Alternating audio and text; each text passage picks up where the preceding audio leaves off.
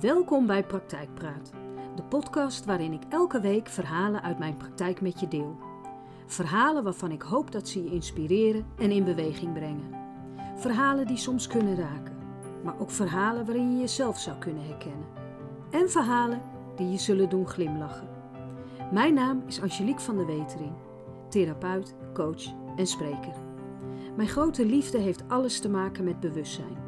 Mensen bewust maken en in beweging brengen is mijn grote passie. Ik heb het allermooiste vak van de hele wereld en ik neem je dan ook graag mee in de verhalen uit de praktijk. Ik wens je heel veel inspiratie. Liefde. Heb jij wel eens nagedacht over liefde? Liefde kent vele vormen en hoe liefde gezien en ervaren wordt, dat is een persoonlijk iets. Ook hoe liefde gegeven wordt kent veel variaties en heeft niet altijd te maken met de ontvanger. En wanneer liefde voorwaardelijk is, wordt er iets voor terug verwacht. En liefde wordt ook wel eens als excuus gebruikt, bijvoorbeeld wanneer iemand een ander kwetst met zijn of haar mening. Ja, maar ik bedoel het goed. Ik zeg dit uit liefde. Ik heb het beste met je voor. En deze opmerkingen die ken je vast. Nou zijn we zelf verantwoordelijk voor wat we doen en zeggen, maar ook voor de manier waarop we reageren op liefde bijvoorbeeld. Stel alles wat je zegt en doet zit verpakt in een bal. En op het moment dat je iets zegt of doet, gooi je die bal tegen de muur. En wat gebeurt er met een bal die je tegen de muur gooit? Precies. Die komt weer terug bij degene die de bal gegooid heeft. Wat je geeft, komt terug. En zo is het ook met liefde. En een mooi voorbeeld hiervan ervaarde ik in mijn vakantie vorig jaar. Ik zit op een heerlijk terras aan het water. Een glas Chardonnay vangt de laatste zonnestralen. De laatste dagen van mijn vakantie. Even uit, even niets doen, niets moeten. En dat is een echte uitdaging voor mij. Naast mij zitten een vader en een zoon en ik kan er niets aan doen, maar zodra ik de emotie in beide stemmen hoor, dan gaat mijn brein toch aan. Ik probeer niet te verstaan wat er gezegd wordt, alleen is er één zin die extra hard klinkt. Ik ben heel erg geschrokken en ik had dit echt nooit van jou verwacht. Zo'n lief krimpt in elkaar bij deze woorden. En dat ik meekrijg wat er gezegd wordt, dat is vader niet ontgaan. Excuus, we hebben een nogal gevoelig gesprek. Ik knik. Geen probleem. Gesprekken als deze zijn voor mij herkenbaar. De jongen draait zich naar mij toe en staart mij aan. Vakmatig, zeg ik met een knipoog. Oh, oké. Hij slaat zijn ogen neer, waarin ik nog net een glim teleurstelling kan zien. Hoe heet je als ik vragen mag? Hij kijkt op en mompelt: Jordi.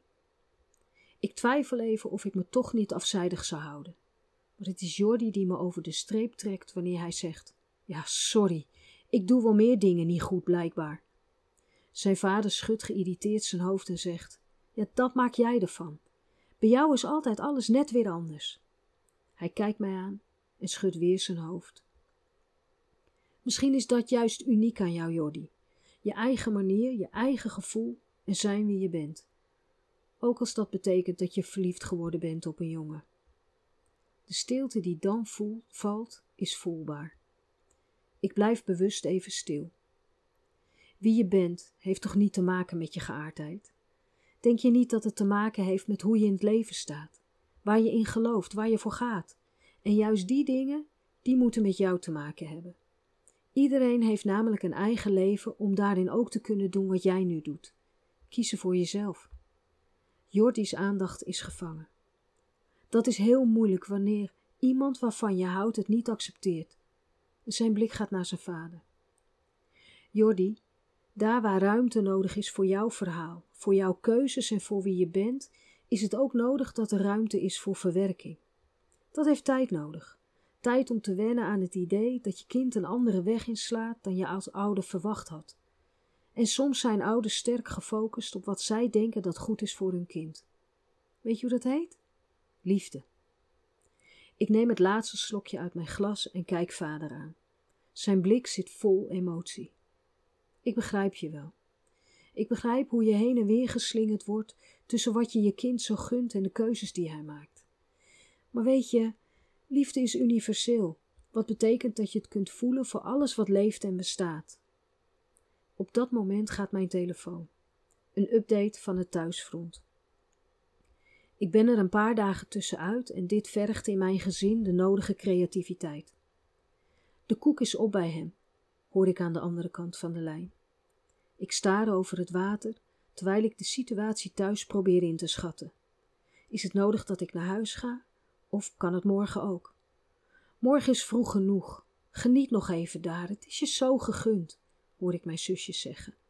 Ze is samen met mijn dochter mijn steun en toeverlaat. Een glimlach glijdt over mijn gezicht en ik zeg: Wil je hem een dikke knuffel geven? En vertel hem dat ik heel veel van hem hou en ontzettend trots op hem ben. Hij heeft het echt heel goed gedaan. Mijn ogen hebben een vochtige glans en zodra ik heb opgehangen, zegt vader: Ieder huisje heeft zo zijn kruisje, hoor ik. Dat klopt, zolang het kruisje maar met liefde gedragen wordt, knipoog ik naar Jordi. Mag ik vragen waarom je morgen naar huis gaat? vraagt Jordi. Ik knik. Mijn zoon heeft mij nodig.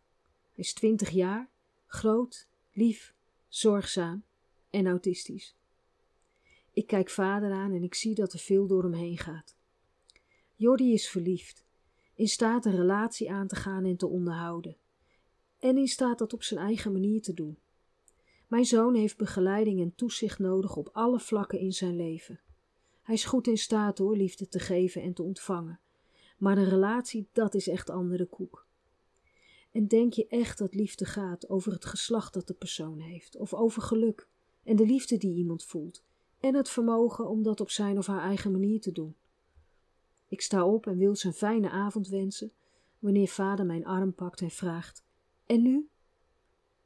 Neem de tijd, allebei. De tijd om te wennen aan het idee, maar ook de tijd om te zien hoe gelukkig je zoon is.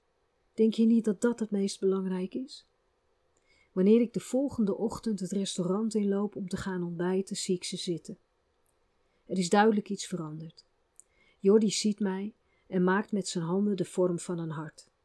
Ik doe hetzelfde als reactie terug en ik moet eerlijk bekennen dat het me raakte. Lieve Jordi, pas goed op jezelf.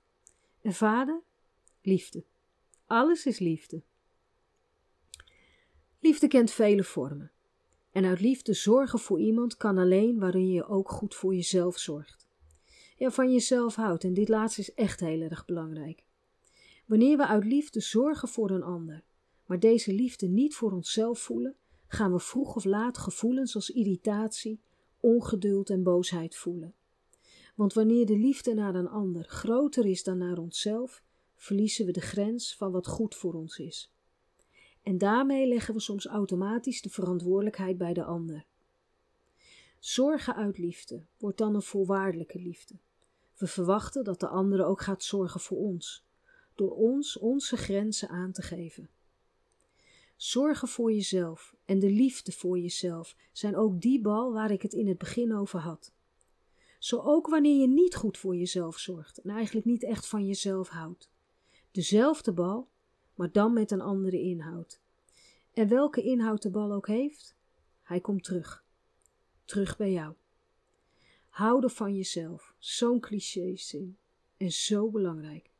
Want als je niet van jezelf houdt, kun je dan wel verwachten dat een ander dat doet?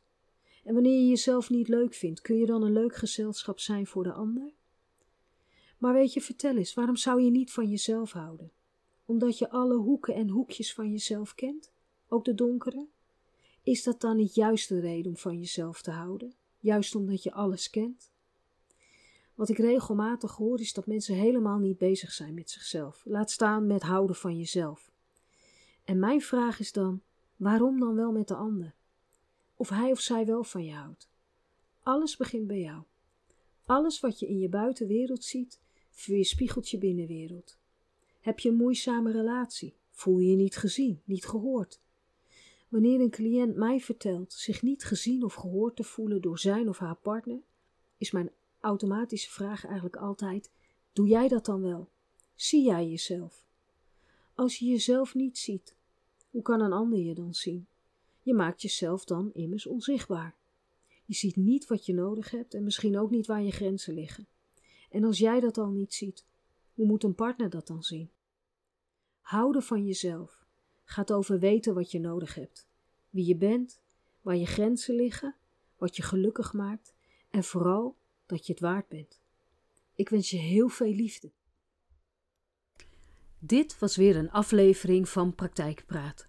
Fijn dat je luisterde. Tot de volgende aflevering. Wat fijn dat je weer luisterde naar een aflevering Praktijkpraat. Dank je wel. Zou je door middel van een review willen laten weten wat je van deze podcast vindt?